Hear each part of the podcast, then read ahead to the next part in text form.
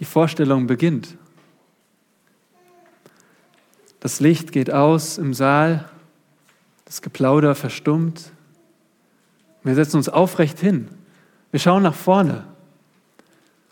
Und da, da ist schon ein Lichtkegel auf dem roten Vorhang. Jetzt geht die Vorstellung los.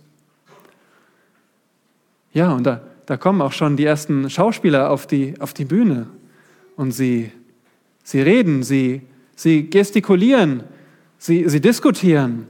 Jetzt, jetzt gehen sie nach links, jetzt gehen sie wieder nach rechts. Jetzt gehen die einen am Rand wieder von der Bühne.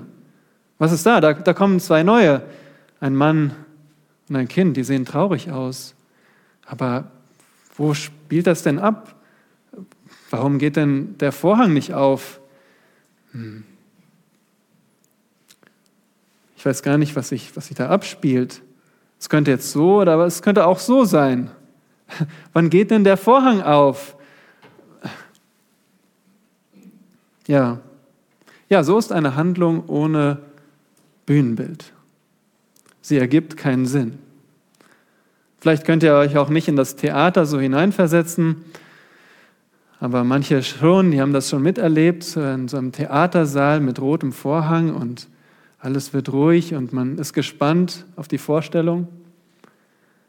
Nun, vielleicht denkt ihr eher an ein Kino. Ein Kino und plötzlich kommt der satte Sound und ihr hört Musik und Stimmen, aber kein Bild. Und ihr könnt nicht verstehen, was da vor sich geht.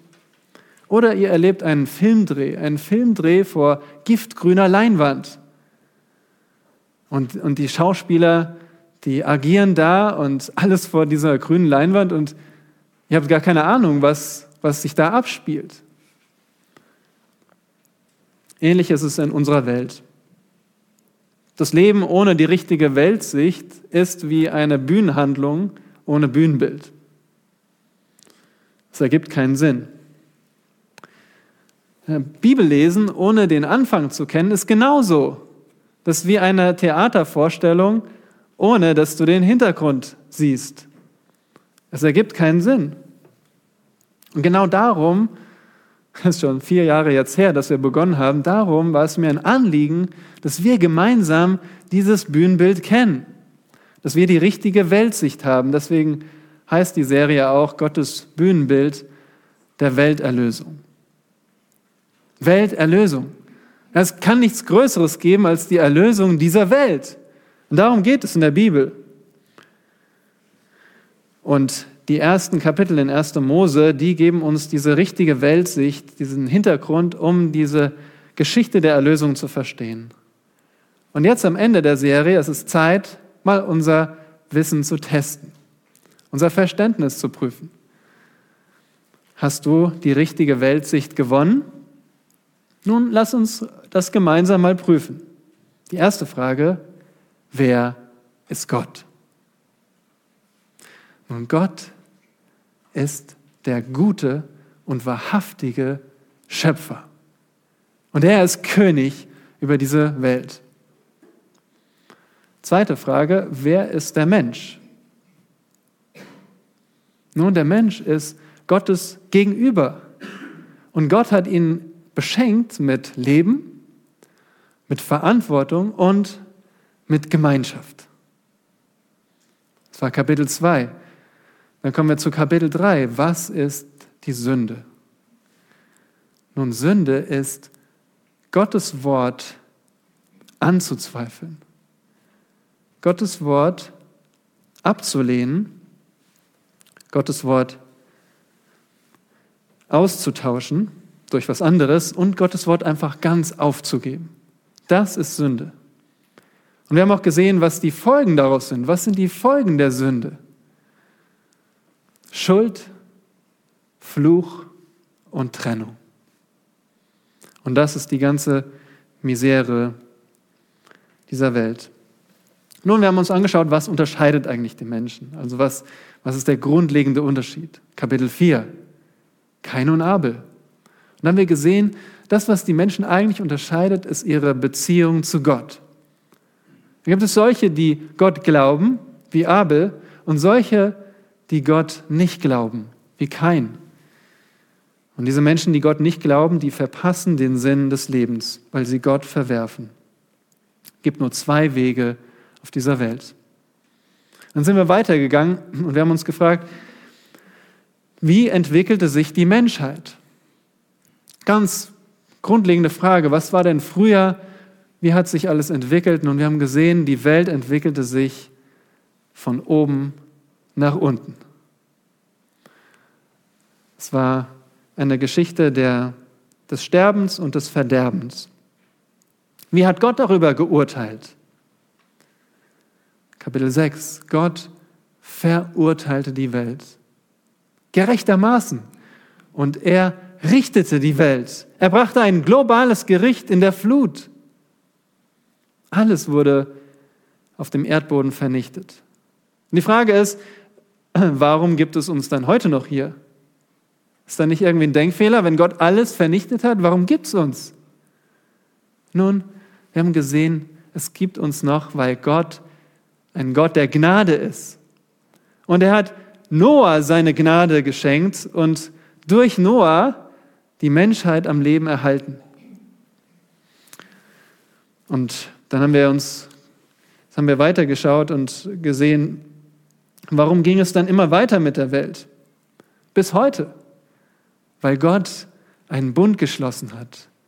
Weil Gott einen Bund mit allen Lebewesen geschlossen hat, um das Leben zu erhalten auf dieser Erde in einer stabilen Welt. Ja, wo wir uns darauf verlassen können, dass es nach Abend der Morgen kommt.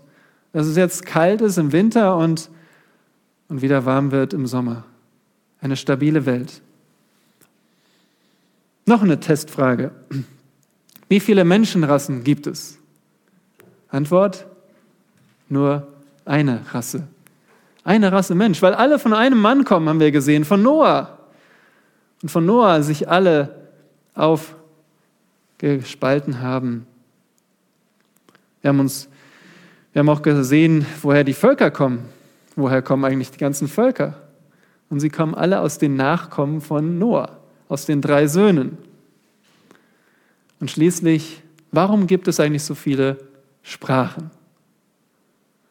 Da haben wir zuletzt gesehen, die Sprachen kommen daher, dass die Menschen nach der Flut sich gegen Gott aufgelehnt haben und dass sie sich nicht auf der Erde verteilen wollten. Und so hat Gott ein mildes Gericht gegeben, indem er ihre Sprache verwirrt hat und sie zerstreut hat. Und so haben sich auch weitere Sprachen entwickelt.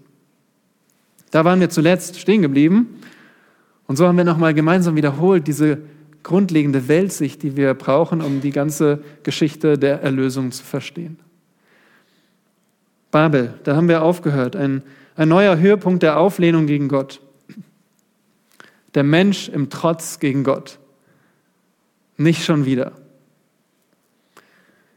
Und was war das Ergebnis? Nun, die Menschen haben sich zerstreut auf der Erde in verschiedenen Sippen, in, äh, unter Regierungen, in Ländern. Seitdem gibt es das alles. Und dabei haben diese Menschen ihre Gottlosigkeit mitgenommen. Versteht ihr? In Babel gab es keine Erweckung, als Gott die Sprachen zerstreute, verwirrte. Nein, diese Menschen haben ihren Trotz gegen Gott mitgenommen.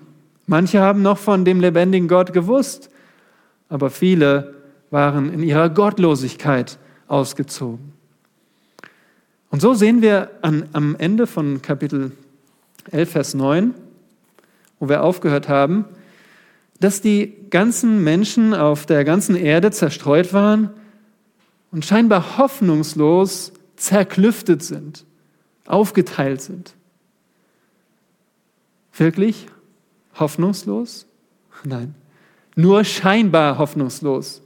Nur scheinbar hoffnungslos. Es gibt Hoffnung, aber wo könnte die herkommen? Vielleicht von einer Weltkonferenz, wenn sich alle mal zusammenschließen und besprechen. Oder vielleicht von einer Einheitssprache, dass alle sich mal verständigen können. Oder von einem Völkerbund, der sozusagen über den Nationen steht und, und Ordnung reinbringt. Könnte das Hoffnung bringen? Nein, Nach acht Kapiteln Sünde, acht Kapitel, haben wir eins gelernt. Von dem Menschen geht keine Hoffnung aus. Nur von dem, der alles begonnen hat. Nur von dem, der alles am Anfang gut begonnen hat, kommt die Hoffnung. Und das ist Gott, der Gott des Segens. Und da möchte ich mit euch hin, zu dem Gott des Segens. Und damals am Anfang hat Gott den Menschen sehr gut gemacht, vollkommen. Der Mensch hatte alles, was er brauchte und noch mehr. Er war überreich von Gott beschenkt. Das bedeutet es, gesegnet zu sein. Es fehlte dem Menschen nichts, gar nichts, um seinen genialen Auftrag auszuführen, um das zu tun, was Gott ihm befohlen hat. Er hatte alle Kraft, alle nötige Fähigkeit. Und das, diese Fähigkeit strömte von der Quelle von Gott durch ihn, durch den Menschen, um das zu tun, was Gott Ehre brachte. Das hat Gott am Anfang so gemacht. Und er ist der Einzige, der es wiederherstellen kann. Er ist die Hoffnung. Und das ist die frohe Botschaft von heute. Gott kann wiederherstellen, Gott wird und Gott hat es schon getan. Gott bringt den Segen zurück durch einen Mittler. Und dieses Wort müsst ihr heute verstehen, ein Mittler. Ein Mittler ist jemand, der zwischen zwei Parteien steht. Ein Mittler hat Zugang zu beiden Seiten. Er empfängt und er gibt weiter. Er empfängt etwas und gibt es weiter. Und so ein Segensmittler, den hat Gott gesandt. Und diesen hat Gott bereitet in drei Stufen. Und so wollen wir diese, diesen Text lesen. 1. Mose 11, Vers 10 bis 12, Vers 3. Gottes Wort sagt, dies ist die Geschichte Sems. Als Sem 100 Jahre alt war, zeugte er den Arpakshad zwei Jahre nach der Flut. Und nachdem Sem den Arpakshad gezeugt hatte, lebte er noch 500 Jahre und zeugte Söhne und Töchter. Arpakshad war 35 Jahre alt, als er den Schelach zeugte. Und nachdem Arpakshad den Schelach gezeugt hatte, lebte er noch 403 Jahre und zeugte Söhne und Töchter. Schelach war 30 Jahre alt, als er den Heber zeugte. Und nachdem Schelach den Heber gezeugt hatte, lebte er noch 403 Jahre und zeugte Söhne und Töchter.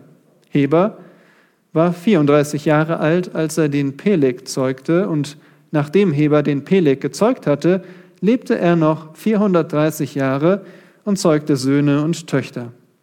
Peleg war 30 Jahre alt, als er den Regu zeugte. Und nachdem Peleg den Regu gezeugt hatte, lebte er noch 209 Jahre und zeugte Söhne und Töchter.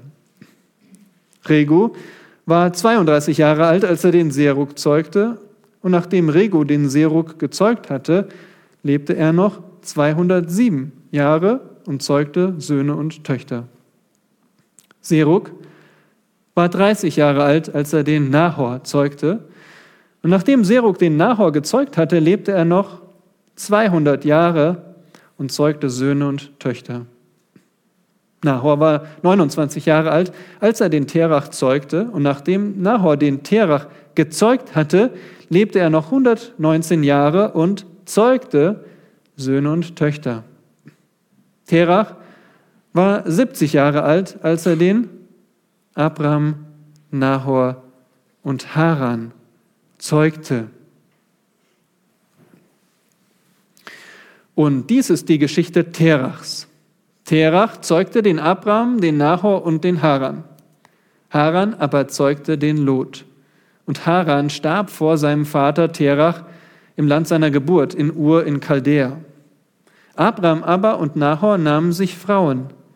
Abrams Frau hieß Sarai und Nahors Frau hieß Milka eine Tochter Harans des Vaters, der Milka und der Jiska. Sarai aber war unfruchtbar. Sie hatte kein Kind. Und Terach nahm seinen Sohn Abram, dazu Lot, den Sohn Harans, seinen Enkel, auch Sarai, seine Schwiegertochter, die Frau seines Sohnes Abram, und sie zogen miteinander aus von Ur in Chaldea, um ins Land Kanaan zu gehen.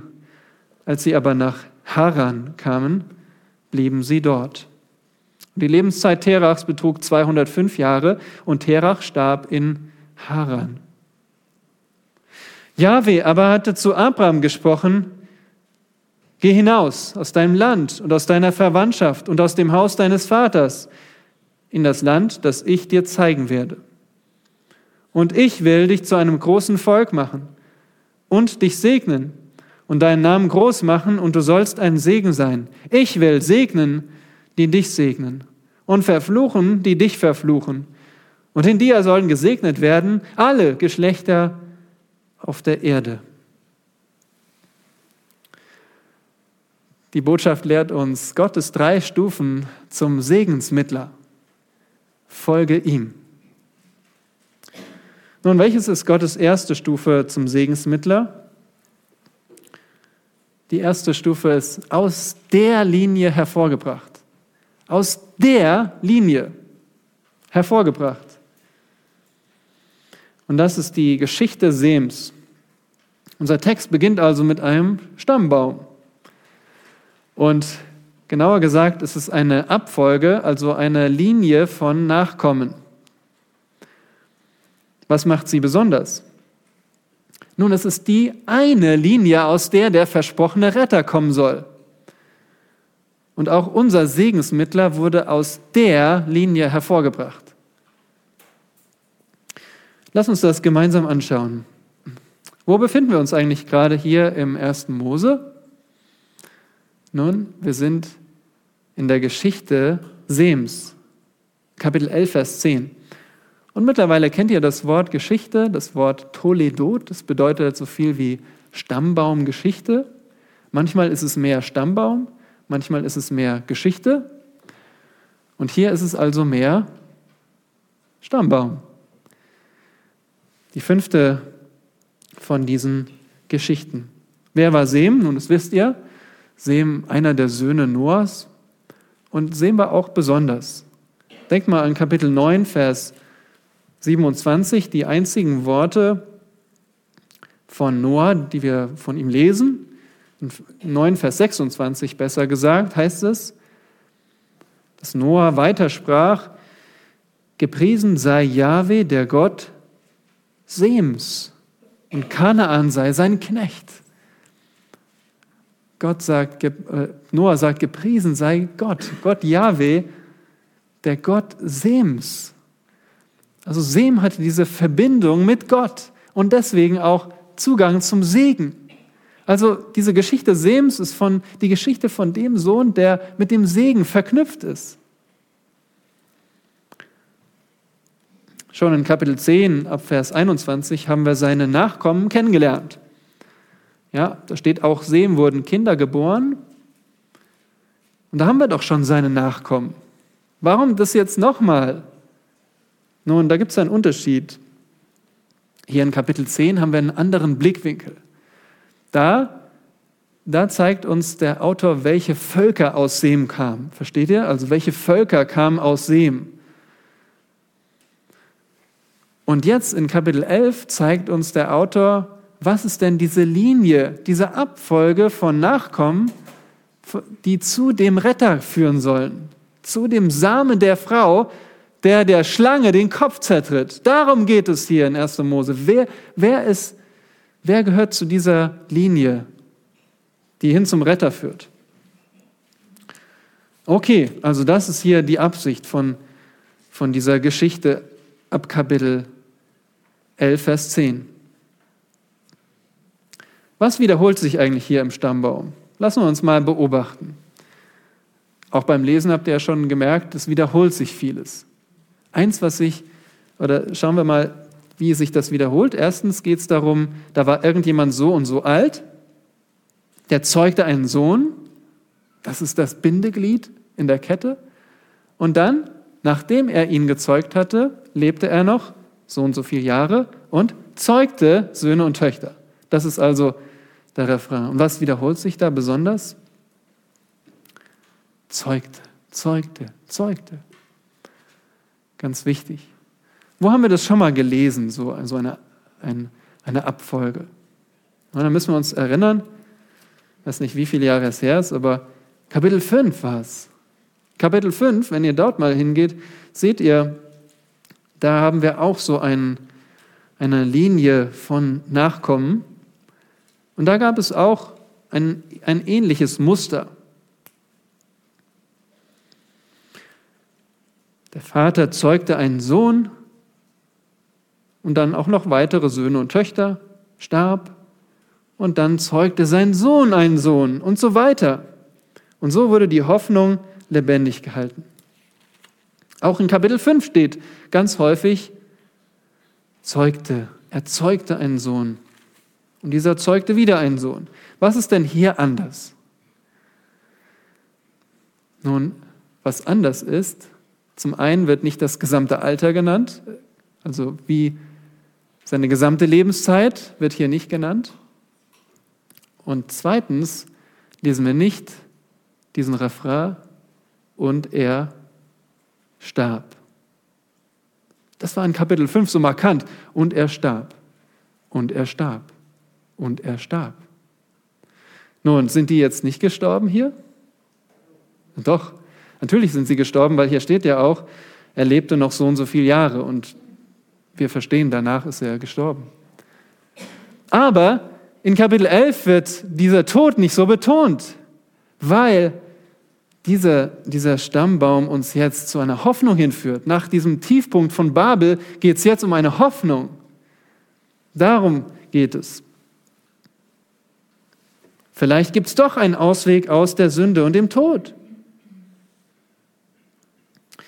Auch äh, in Kapitel 5 haben wir, haben wir so einen Detektivblick gesetzt und haben geschaut, was ist anders in diesem Muster. Weil wenn es ein Muster gibt, okay, und, und dann irgendeine Unterbrechung, irgendwas, was anders ist, das sieht man gleich, oder? Wenn ihr euch ein Muster vorstellt, alles so schön gleichmäßig und irgendwo ist ein Fehler drin, ach, das sieht man gleich. Und so lasst uns mal hier schauen in Kapitel 11, was fällt da aus der Reihe. Nun, die erste Abweichung finden wir in Vers 10. Denn hier steht was von der Flut.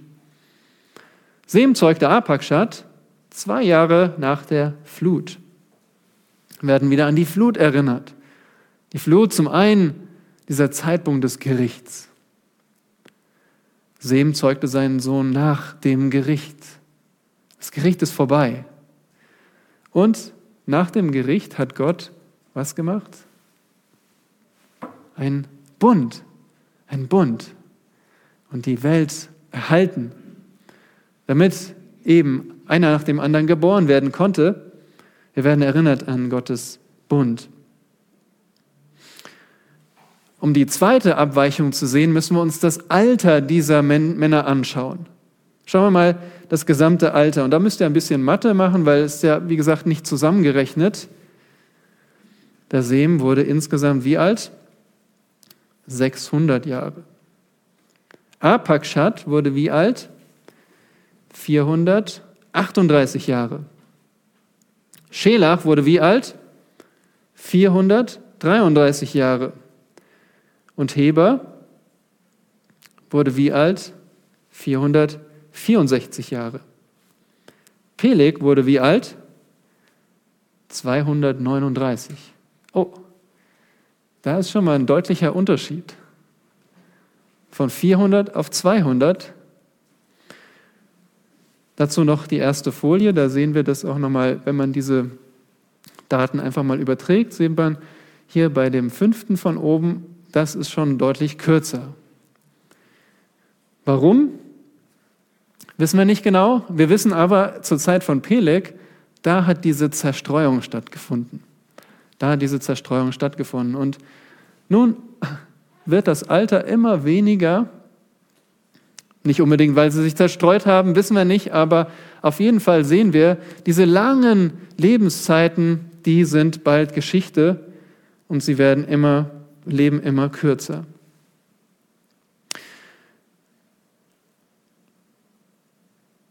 Und jetzt achtet mal auf die Zahl der genannten Söhne. Nun, es wird gesagt, immer der Vater zeugte einen Sohn. Und dann hat er noch weitere Söhne und Töchter. Also nicht nur einen Sohn, aber es wird nur einer genannt. bis auf eine Ausnahme, nämlich Terach. Schaut mal hier in Vers 26. Vers 26. Terah war 70 Jahre alt, als er Abram, Nahor und Haran zeugte. Drei Söhne. Das lässt uns aufhorchen. Hier werden auf einmal drei Söhne genannt. Und damit hat unsere Linie auch eine wichtige Person erreicht. Und wir wollen jetzt mehr lernen über, wer dieser Segensmittler ist. Und ihr Lieben, diese Linie, die bedeutet alles für uns.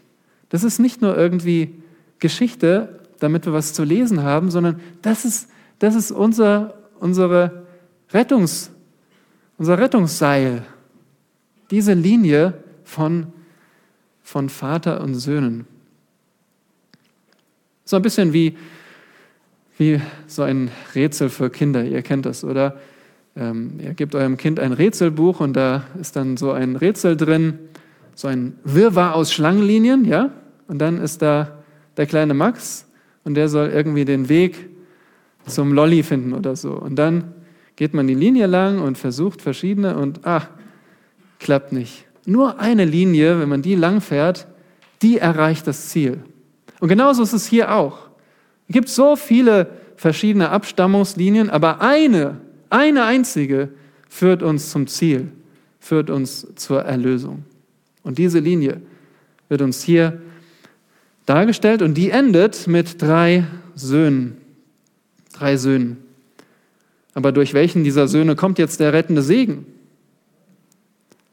Nun achtet mal drauf, wer zuerst genannt wird. Vers 26.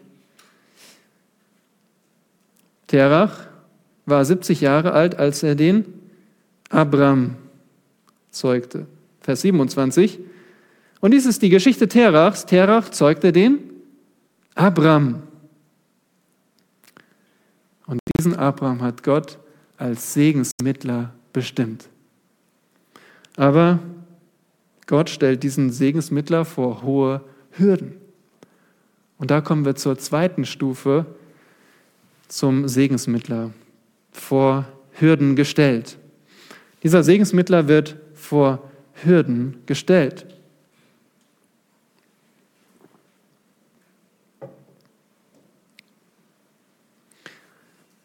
Ab Vers 27 sehen wir jetzt die Geschichte Terachs. Also jetzt ist wieder ein neuer Teil beginnt im ersten Buch Mose und der geht ziemlich lang, nämlich bis Kapitel 25. Und dieser Geschichte Terachs lesen wir vor allem von wem? Von Abraham. Erst Abraham, Abraham. Es geht gar nicht so viel um Terach. Ist das nicht ein Fehler in der Bibel, wenn da steht Geschichte Terachs und geht gar nicht um ihn? Und erinnert euch dran, die Geschichte Terachs, das bedeutet so viel wie, was wurde aus Terach? Was wurde aus Terach? Und aus Terach wurde vor allem einer, nämlich Abraham. Und hier sehen wir Abrahams Ausgangslage vor Gottes Ruf. Abraham soll Segensmittler sein, aber er steht vor hohen Hürden. In Kapitel 11, Vers 27 beginnt also die sechste Geschichte im Buch. Und Terach zeugte Abraham, Nahor und Haran. Abraham wird zuerst genannt, aber er war nicht der Älteste. Warum? Dazu eine kleine Matheaufgabe. Wie alt wurde Terach? Vers 32, Kapitel 11. 205. Nun, er starb in Haran. Abraham zog aus aus Haran.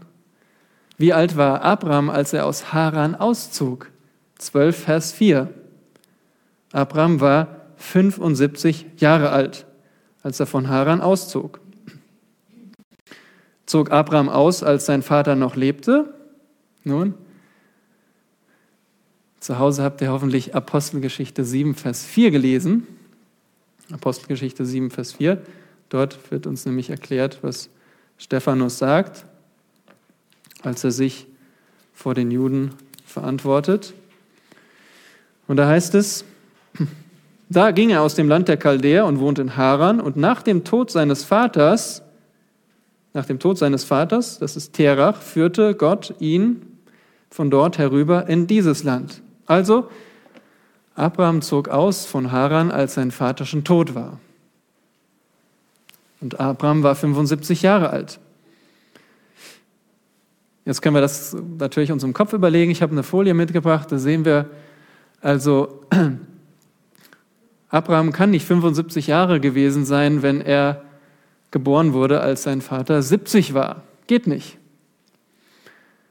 Was ist die Lösung? Nun, Abraham war nicht der Älteste. Wenn es heißt, Terach zeugte Abraham, Nahor und Haran, dann, dann zeigt uns der Schreiber hier den wichtigsten zuerst, aber nicht unbedingt den, der zuerst geboren wurde. Und es waren auch nicht unbedingt Drillinge. Also einer von den Brüdern wurde zuerst geboren. Ich tippe mal auf Haran. Ich tippe mal auf Haran, weil Nahor hat nämlich Harans Tochter geheiratet. Aber wir wissen es nicht genau. Auf jeden Fall war Abraham nicht der Älteste. Es gibt auch noch eine andere Möglichkeit, dass Abraham noch später geboren wurde.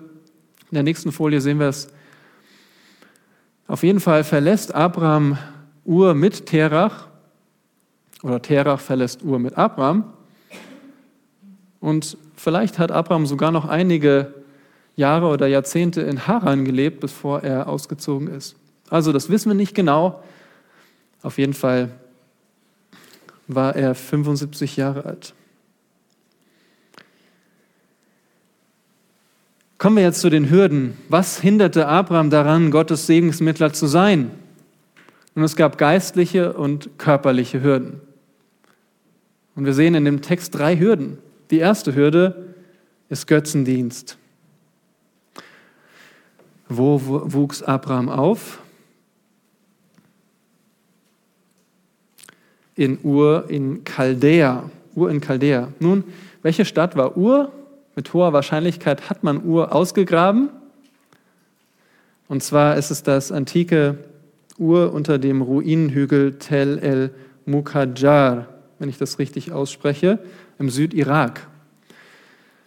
Also Ruinenhügel, weil antike Städte, die wurden zerstört und dann wurde darauf eine neue Stadt gebaut. Die wurde wieder zerstört, wurde eine neue Stadt drauf gebaut und so ergibt sich so ein Hügel. Und wenn man jetzt eine Ausgrabung äh, macht und intelligent ist, dann geht man so schrittweise vor. Also immer Zentimeter für Zentimeter und dann weiß man, okay, das oberste ist das Jüngste und ganz unten das Älteste. Und ein, ein Engländer, der hat diese Stadt ausgegraben, 1920 rum. Und das ist ganz interessant, weil da sehen wir, äh, zur Zeit Abrahams war Ur eine wohlhabende Stadt. Da hat man richtig große Villen ausgegraben. Und die Stadt war auch zivilisiert. Ein Bild habe ich im Internet gefunden, äh, hier frei verfügbar. Das ist also hier ein Blick auf diese Ruinen. Und man sieht hier, so, es wird sogar das Haus Abrahams genannt, weiß man natürlich nicht, aber ist dann natürlich noch interessanter, wenn man es so nennt. Aber da sieht man, was für Häuser mit vielen Zimmern. Vielleicht war, war das also ein großes Haus, also viele Räume, ja, nicht, nicht nur eine Einzimmerwohnung. Das war schon eine wohlhabende Stadt. Die war zivilisiert, die waren begabt, aber sie beteten Götzen an. Sie beteten dort Götter an. Und im Heiligtum der Stadt stand damals ein dreistufiger Tempelturm für den Mondgott Nannar. So hat man ihn genannt. Und den hat man dort auch gefunden, der ist da nur so im Hintergrund, aber hier nochmal äh, größer. Das ist so aus diesen gebrannten Ziegeln, wie wahrscheinlich auch dann die Stadt Babel gebaut wurde. Und der hatte mal drei Stufen zur Zeit von Abraham. Drei Stufen, ganz oben ein Heiligtum und man betete den Mondgott an. Die Stadt also vom Götzendienst geprägt. Und hier nochmal ein, ein weiteres Bild Das Interessante ist nämlich, die, die, die Babylonier, die kamen erst später und die Babylonier haben dann noch mal ein paar Stufen draufgesetzt. Ja? Also sie haben es zu sieben Stufen ausgebaut und das dann erweitert, was schon da war.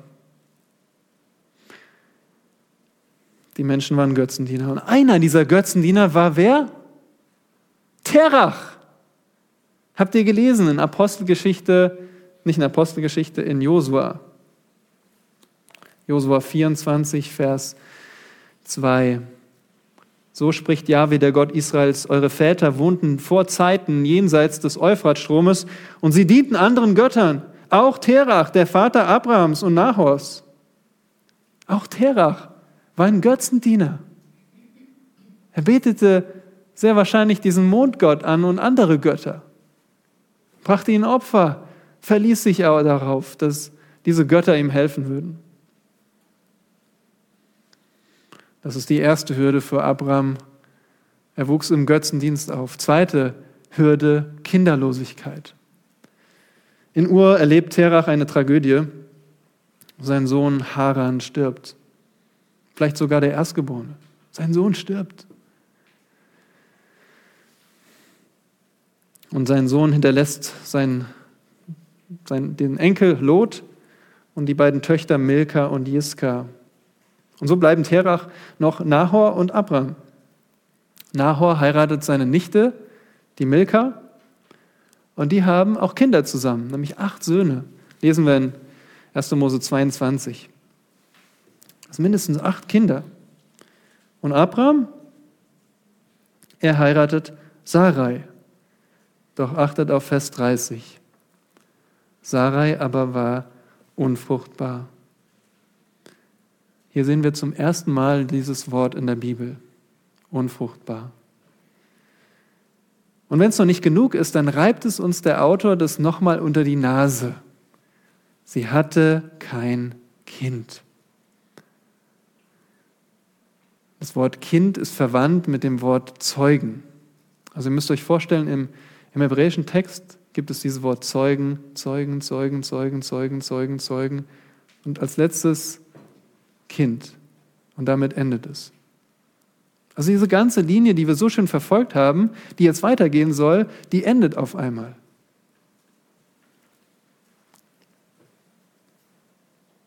Aber die muss weitergehen und es braucht mindestens einen Sohn. Doch Abrams Frau war unfruchtbar. Was für eine Hürde für diesen Segensmittler. Die dritte Hürde, Familienbindung. Ja, Familie kann uns ziemlich binden. Das kennen wir. Abraham erlebt das. In Vers 31 seht ihr in Kapitel 11, und Terach nahm seinen Sohn Abraham. Dazu Lot, auch Sarai. Und sie zogen miteinander aus von Ur in Chaldea.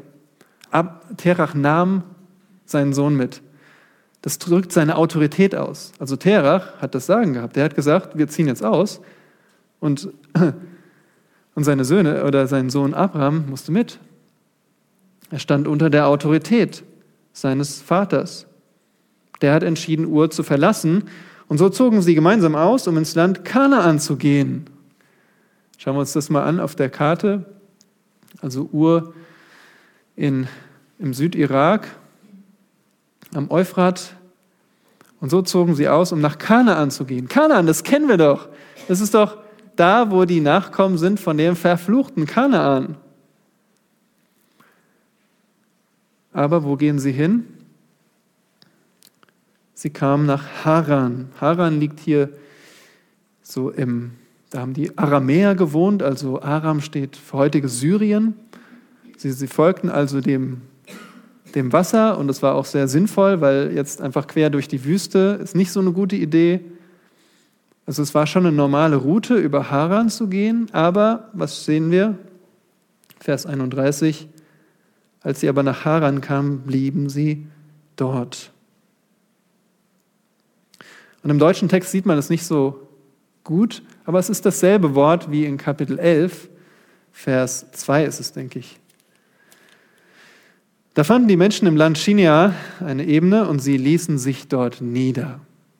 Das ist dasselbe Wort sich niederlassen. Terach und seine Familie lassen sich nieder. Und das drückt nichts Gutes aus. So wie es bei den, bei den Menschen im Land China, eine, da war es Rebellion gegen Gott, dort zu bleiben. Jetzt klingelt es bei uns, weil jetzt erinnern wir uns daran, okay, Terach lässt sich auch nieder. War es jetzt Trotz? War es Rebellion? Können wir nicht genau sagen, aber es zeigt was, dass es nichts Gutes ist. Später wird gesagt, dass diese Gegend von Haran das Vaterland von Abraham ist. Also womöglich war Terach auch ursprünglich von da und ist dann nach Ur gezogen, hat dort Kinder bekommen. Aber eigentlich kam er von Haran. Und das war sein Vaterland, das war seine Verwandtschaft. Und so blieb er da. Und Abraham war gebunden.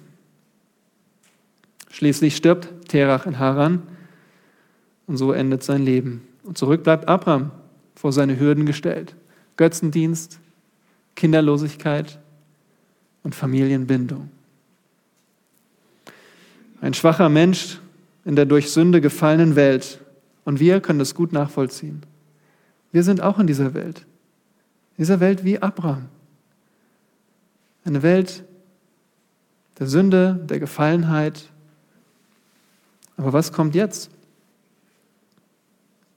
Jetzt kommt was Neues.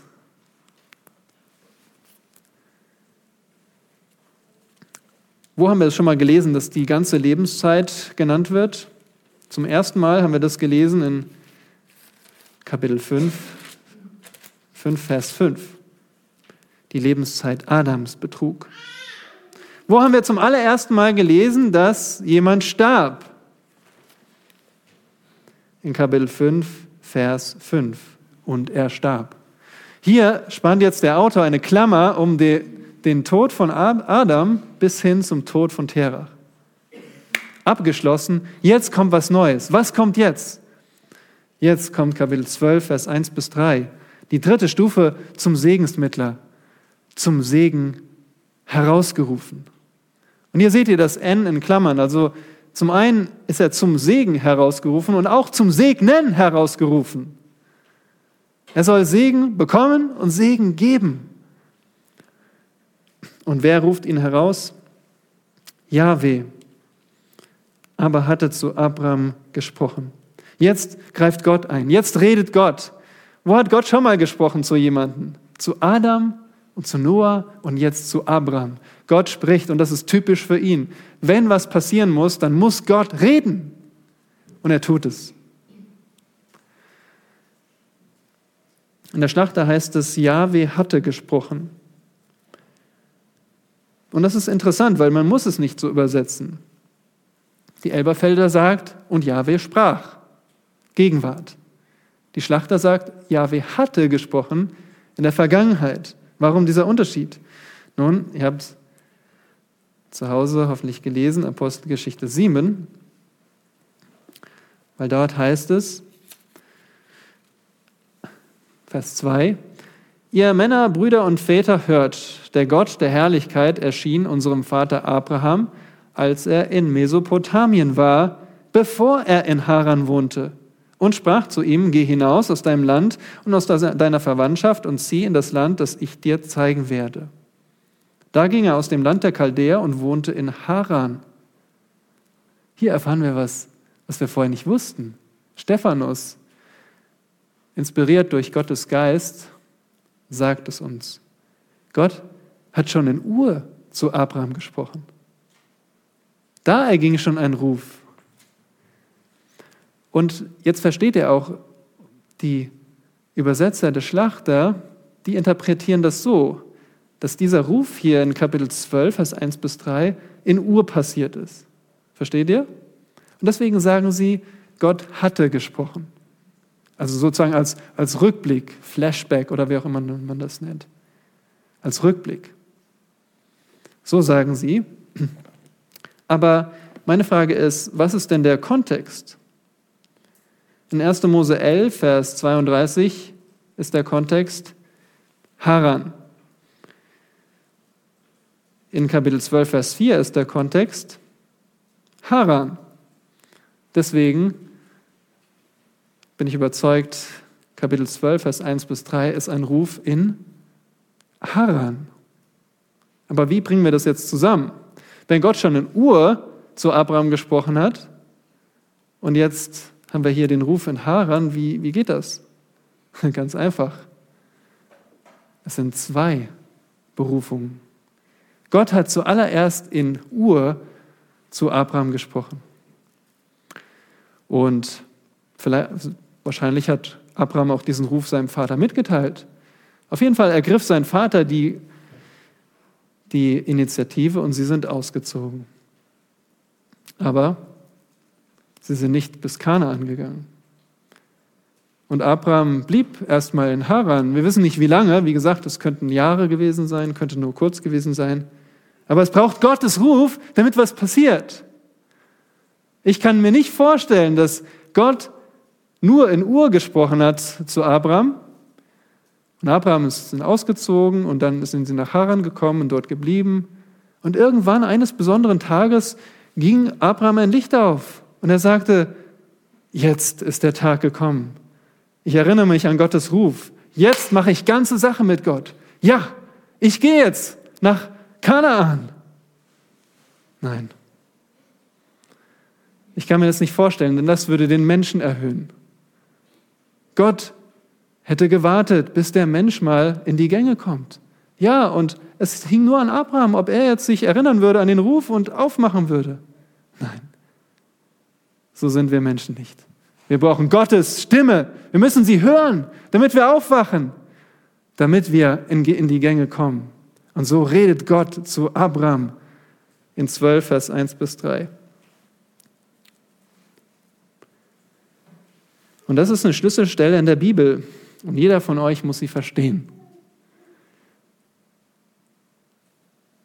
Lasst uns sie gemeinsam beobachten. Wer redet hier? Jahwe Gott. Jahwe Gott redet, der Unveränderliche, der Schöpfer, der halten kann, was er sagt. Und im Hebräischen steht hier sechsmal, ich will. Und das sehen wir am besten in der Elberfelder. Da ist es möglichst wörtlich übersetzt und ihr seht, wie häufig da ich will steht. Seht ihr das? Ich will dich zu einer Nation machen. Ich will dich segnen. Ich will deinen Namen groß machen. Ich will segnen. Ich werde verfluchen. Ich will, ich will, ich will. Das ist Gottes Entschluss hier. Gott ist der Handelnde und Abraham ist der Empfänger.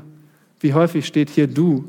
Geh aus aus deinem Land, deiner Verwandtschaft, deines Haus, das ich dir zeigen werde. Ich werde dich zu einer großen Nation machen, dich segnen, deinen Namen groß machen, dich, dein Du, dir. Geht um Abraham als Empfänger. Nun, worum geht es bei diesen Verheißungen? Und jetzt Erinnert ihr euch, was ihr hier in der Bibelgemeinde schon Jahr ein Jahr aus gehört habt? Ein Land, ein Volk, ein Segen. Land, Volk, Segen. So haben wir es uns gemerkt. Und das ist richtig. Achtet aber jetzt mal hier auf die Struktur von Gottes Ruf. Hier sehen wir nicht Land, Volk, Segen als Struktur, sondern hier sehen wir zwei Befehle. Zwei Befehle. Der erste Befehl ist, Geh. Der zweite Befehl ist, findet ihr den? Du sollst ein Segen sein. Also geh und du sollst ein Segen sein. Und nach diesen Befehlen kommen drei Verheißungen. Die sind hier mit den Pfeilen dargestellt. Also zwei Befehle und je drei Verheißungen. Das ist die Struktur. Und der erste Befehl ist, Geh, wörtlich, geh du selbst. Geh doch.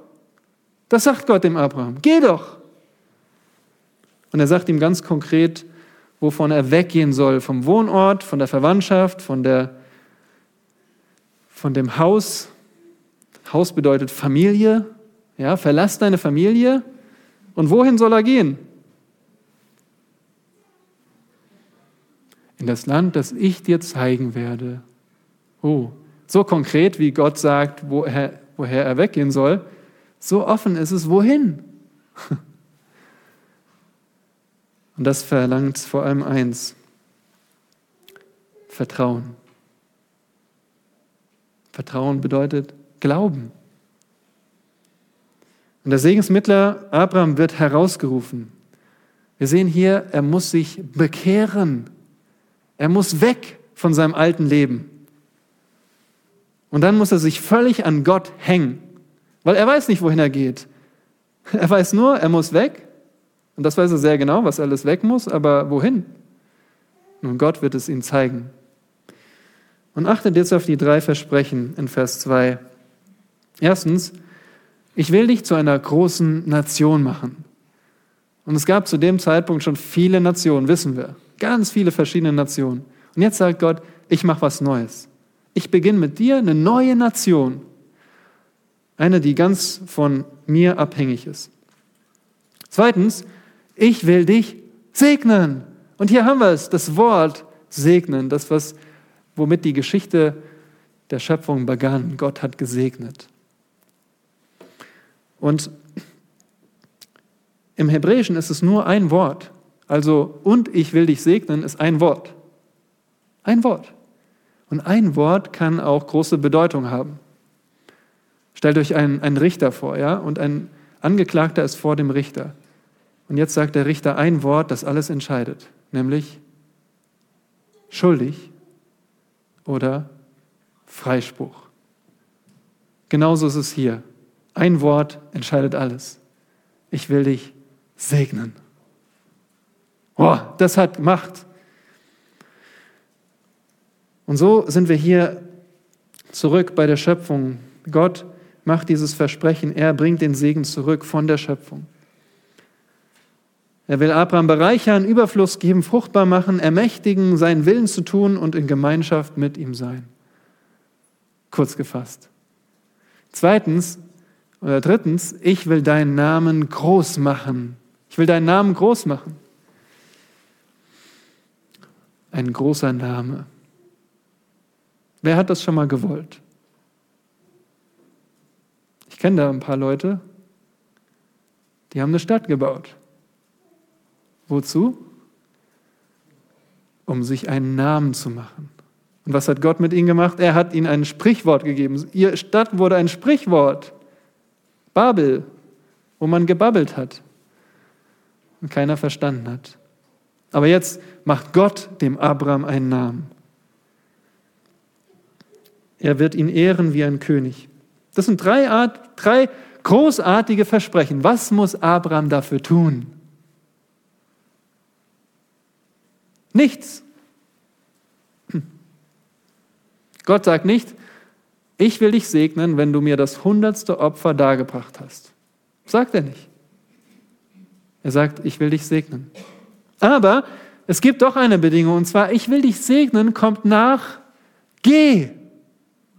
Davon hängt alles ab. Wenn er nicht geht, wird nichts von dem passieren. Und so sagen wir ja, es ist ein bedingungsloser Bund, aber es gibt eine Bedingung. Du musst Buße tun und glauben. Buße tun und glauben. Nur dann bist du damit verknüpft. Das ist ähnlich wie mit deinem, wenn du deinen Arbeitgeber wechselst. Stell dir vor, du möchtest deinen Arbeitgeber wechseln. Nun, was machst du? Du kündigst den Vertrag. All deine Verbindlichkeiten werden aufgelöst. Deine Verantwortung wird aufgelöst. Deine Verpflichtungen sind auf einmal nicht mehr da. Und du unterschreibst bei einem neuen Arbeitgeber. Und jetzt gehört deine Loyalität nicht mehr dem alten Arbeitgeber, sondern dem neuen. Und vielleicht sagt der neue Arbeitgeber auch, wenn du bei mir unterschreibst, dann kriegst du bestimmte Benefits. Ich gebe dir Vorteile. Für die musst du gar nichts tun, ja, die bekommst du sofort. Du musst nicht irgendwie ein Jahr arbeiten und 50 äh, Überstunden machen. Nein, du bekommst sofort diese Vorteile. Du musst nur eins machen. Du musst beim Alten kündigen und beim Neuen unterschreiben. Und so ist es hier auch. Diese Segnungen für Abraham, die kommen nur, wenn er geht. Er muss umkehren und glauben. Und das ist der erste Befehl mit Gottes Versprechen. Was ist der zweite Befehl? und du sollst ein Segen sein. Ja, das ist eigentlich ein Befehl. Du sollst ein Segen sein. Aber wie kann Abraham ein Segen sein? nur, nur wenn er den Segen empfangen hat. Versteht ihr? Er empfängt den Segen, wenn er geht, und dann kann er auch Segen weitergeben. Das ist ähnlich wie mit euren Kindern. Wir haben es heute auch wieder beobachtet. Marcel hat die Kollekte angesagt und einige Kinder die haben sich darauf gefreut, die haben ein Geldstück in der Hand gehabt. Und sie wollten auch was geben. Aber wo haben sie denn das Geld herbekommen? Sie verdienen doch noch gar kein Geld. Nun, die Eltern haben dem Kind ein Geldstück in die Hand gedrückt. Und so hat das Kind das Geld in die Kollekte gegeben. Genauso ist mit Abraham. Er hat keinen Segen in sich selbst. Er bekommt den Segen, um ihn weiterzugeben. Er ist der, Mittler, der Segensmittler. Und jetzt geht es darum, was er für einen Segen vermitteln soll. Er sagt, Gott sagt, drei Verheißungen. Ich will segnen, die dich segnen. Und ihr Lieben, das bedeutet kein bloßes Lippenbekenntnis. Ja? Ah, ich segne dich, Abraham. Bekomme ich jetzt was? Nein. ich will segnen, die dich segnen. Die dich segnen im Hebräischen sind Menschen, die davon charakterisiert sind. Das ist ihr Wesen. Die haben das nicht nur einmal gemacht, so als Zauberformel. Abraham sei gesegnet. Nein, das sind solche, die Abraham ständig segnen, die zu ihm stehen. Im Gegensatz dazu, zweitens, und ich werde verfluchen, die dich verfluchen. Und wieder sind hier Menschen gemeint, die das dauerhaft machen. Und da sehen wir, dass das Böse immer noch da ist. Also Gottes Ruf an Abraham ist hier nicht in einer, in einer Märchenwelt. Abraham, ich segne dich und alles ist, wir, wir tun so, als ob Sünde nicht da ist, alles ist gut und schön. Nein, ich werde verfluchen, die dich verfluchen. Abraham, du wirst Menschen treffen, die dich verfluchen. Und verfluchen hier sind zwei unterschiedliche Worte. Das, was die Menschen tun, ist einen Fluch aussprechen. Sie sagen, Abraham sei verflucht. Und damit behandeln sie ihn abschätzig. So, als ob man ihn wegwerfen kann. So wie vielleicht, wenn ihr eure Post sortiert. Ja, ihr bekommt Post, er holt es aus dem Briefkasten und dann schaut er erstmal, okay, Werbung, ja, das brauche ich noch, Werbung, schmeißt die Werbung weg vielleicht. Wenn ihr, manche Werbung möcht ihr auch lesen, aber anderes kommt in den Müll. Genauso ist dieses Wort verfluchen gemeint. Weg. Wer so mit Abraham umgeht, sagt Gott, den werde ich verfluchen. Aber Gott spricht nicht nur einen Fluch aus, er verflucht tatsächlich. Und das ist das Wort, was Gott hier benutzt. Ich werde tatsächlich verfluchen, so wie die Schlange, selbes Wort, wie den Erdboden und wie kein. Nun, Jahwe hat versprochen, Abraham zu segnen. Ich will dich segnen. Gott hat versprochen, ich will segnen, die dich segnen, also bestimmte Menschen. Und jetzt kommt der Höhepunkt. Gott sagt, und ich will segnen, durch dich sollen gesegnet werden alle Geschlechter auf der Erde. Alle in dir, in Abraham, alle Geschlechter. Geschlechter bedeutet äh, so viel, wird an anderer Stelle übersetzt mit Sippen. Also Sippen sind größere Familien, also da, wo man noch diese Verwandtschaftsbeziehung merkt. Alle Sippen der Erde werden in dir gesegnet, in Abraham. Und so bestimmt Gott den Abraham zu einem Kanal des Segens für alle Menschen, ob sie jetzt den wahren Gott kennen oder nicht ob sie Götzen dienen oder Götter leugnen, ob sie technisiert oder primitiv leben, ob sie räuberisch oder gesittet leben, solidarisch oder kriegerisch. Wo immer sie auf dem Erdboden leben, Segen soll durch Abraham zu ihnen kommen. Und wie wird das Wirklichkeit? Hat Abraham das miterlebt? dass alle Sippen der Erde gesegnet wurden? Nun, wenn ich jetzt die ganze Geschichte Abrahams mit euch durchgehe, dann steinigt ihr mich. Also kurz zusammengefasst, Abraham stirbt und Kanaan ist kein bisschen besser geworden. Hat sich zu Abrahams Zeiten nicht erfüllt. Aber von Abraham soll ja ein Volk kommen.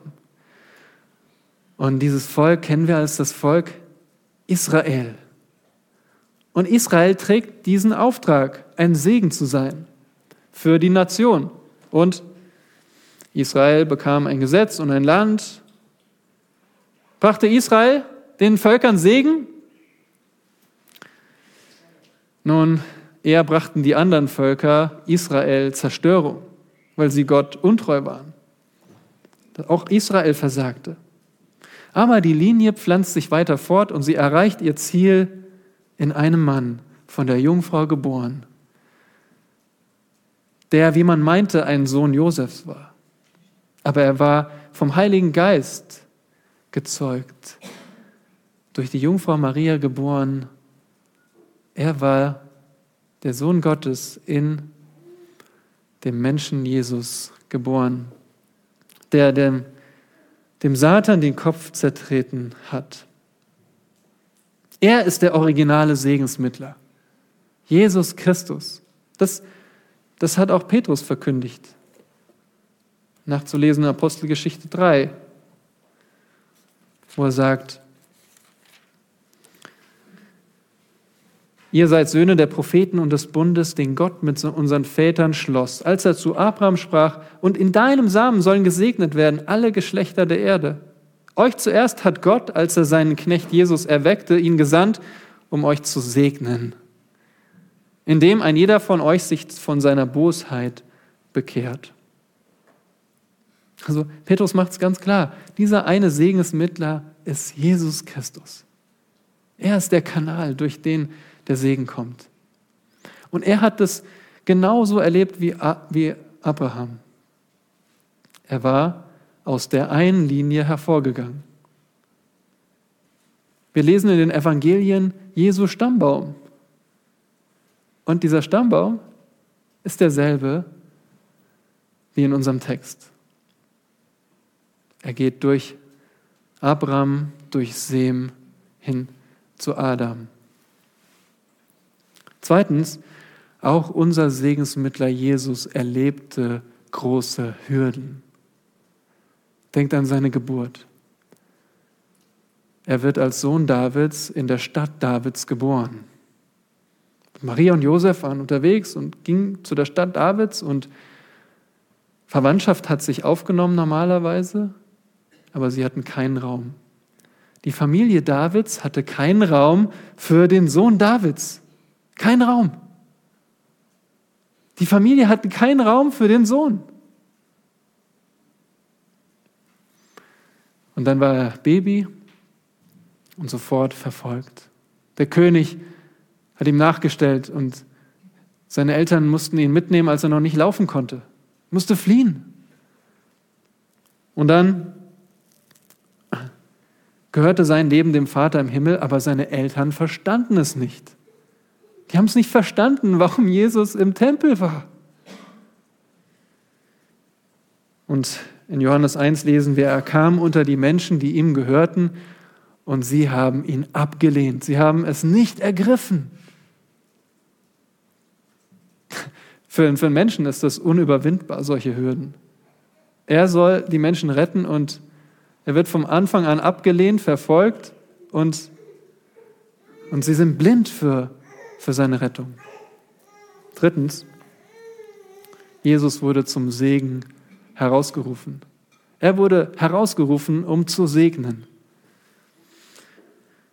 Und er lebte von Geburt an ein vollkommenes Leben unter dem Gesetz Gottes. Er tat keine Sünde. Er hatte nur gerechte Gedanken, Taten und Worte. Er musste niemals vom Ungehorsam umkehren, aber doch ging er eines Tages zum Jordan zu Johannes dem Täufer und ließ sich taufen wie ein Sünder, der Buße tun muss.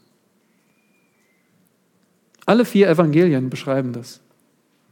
So ein wichtiges Ereignis. Bis dahin, was hat Jesus getan? Er war seiner Familie treu. Er hat an einem Ort gewohnt, Nazareth. Er hat seinen Beruf getan. Er war Bauhandwerker. Bauhandwerker, also nicht unbedingt nur mit Holz, sondern auch mit Stein, ganze Häuser gebaut. 30 Jahre war er. Und dann kam der Ruf. Dann bestätigte Gott seine Berufung. Dann ging es los, dass er die frohe Botschaft verkündigte. Die frohe Botschaft, dass Gott Segen zu allen Nationen, zu allen Sippen bringt. Und Jesus verlässt seinen Beruf und er predigt das Reich Gottes und er übergibt sich in die Hand von Sündern, von seinen Hassern. Er wird ans Kreuz genagelt und dort trägt er die Strafe für Sünder. Und Jesus erwirbt Erlösung an dem Kreuz. Echte Erlösung erworben, vollbracht. Und dann stirbt er, wird begraben, steht von den Toten auf und geht zu seinem Vater. Und so ist Jesus der Mittler zwischen Gott und Mensch. Schaut auf den Segensmittler.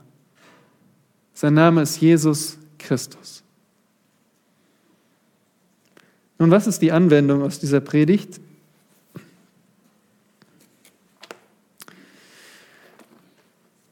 Die Anwendung brauchen wir uns nicht aus den Fingern zu saugen, weil sie steht im Text nach unserem Text. 1. Mose 12, Vers 4. Da ging Abraham, wie Jahwe zu ihm gesagt hatte. Abraham macht uns die Anwendung vor. Abraham redet nicht, sondern er geht, er handelt. Er gehorchte und er verließ sein altes Leben. Er ging durch Glauben, im Gehorsam. Siehst du Christus als den perfekten Segensmittler, dann tu eins, bekehre dich zu Jesus Christus. Tue Buße und glaube ihm. Du musst glauben. Oh, wie leicht ist es zu sagen, ich glaube. Aber wenn es darauf ankommt, wofür entscheidest du dich? Zuerst für Familie oder für Wohnort oder für Beruf oder für Götter. Glaubst du Jesus, dann folgst du Jesus. Und als seine Jünger erkennen wir, in ihm sind wir vorherbestimmt in der einen Linie. Wir gehören zu dieser Segenslinie. Und durch ihn sind wir auch durch, vor hohe Hürden gestellt. Wir stehen in dieser gefallenen Welt vor hohen Hürden. Es ist kein Schlaraffenland. Wir stehen vor hohen Hürden. Geistliche Hürden, körperliche Hürden. Unser Körper wird schwächer, ist schwach und wir sind geistlich angefochten. Aber wisse, Abraham stand vor denselben Hürden und Jesus stand vor denselben Hürden. Und der einzige Weg ist, durch Glauben hindurchzugehen. Und deswegen haben wir auch diese Hürden damit der Glaube sich beweist. Darum tut das Gott mit dir. Du musst deinen Glauben beweisen. Und dafür musst du dich an Christus hängen. Und schließlich, wir sind durch Jesus zum Segnen herausgerufen. Ja, in ihm haben wir allen Segen in der Himmelswelt, sagt Paulus. Und jetzt sollen wir ein Segen sein. Christus ist in uns, die Hoffnung der Herrlichkeit. Und den größten Segen, den du einem anderen Menschen geben kannst, ist, wenn du ihm Christus bezeugst. Den größten Segen, den du einem anderen Menschen geben kannst, ist, wenn du ihm Christus bezeugst. Amen. Vater im Himmel, danke für dein Wort. Danke, dass du redest und dass du nicht aufhörst zu reden dass du den Glauben berufst und schenkst. O Vater, wir müssen glauben. Gib uns Glauben, mehre uns den Glauben an deinen Sohn. Danke für deinen Segen, unter dem wir stehen dürfen, wenn wir in Christus sind. Und so tröste und ermutige uns, unter diesem Segen hinzugehen. Amen.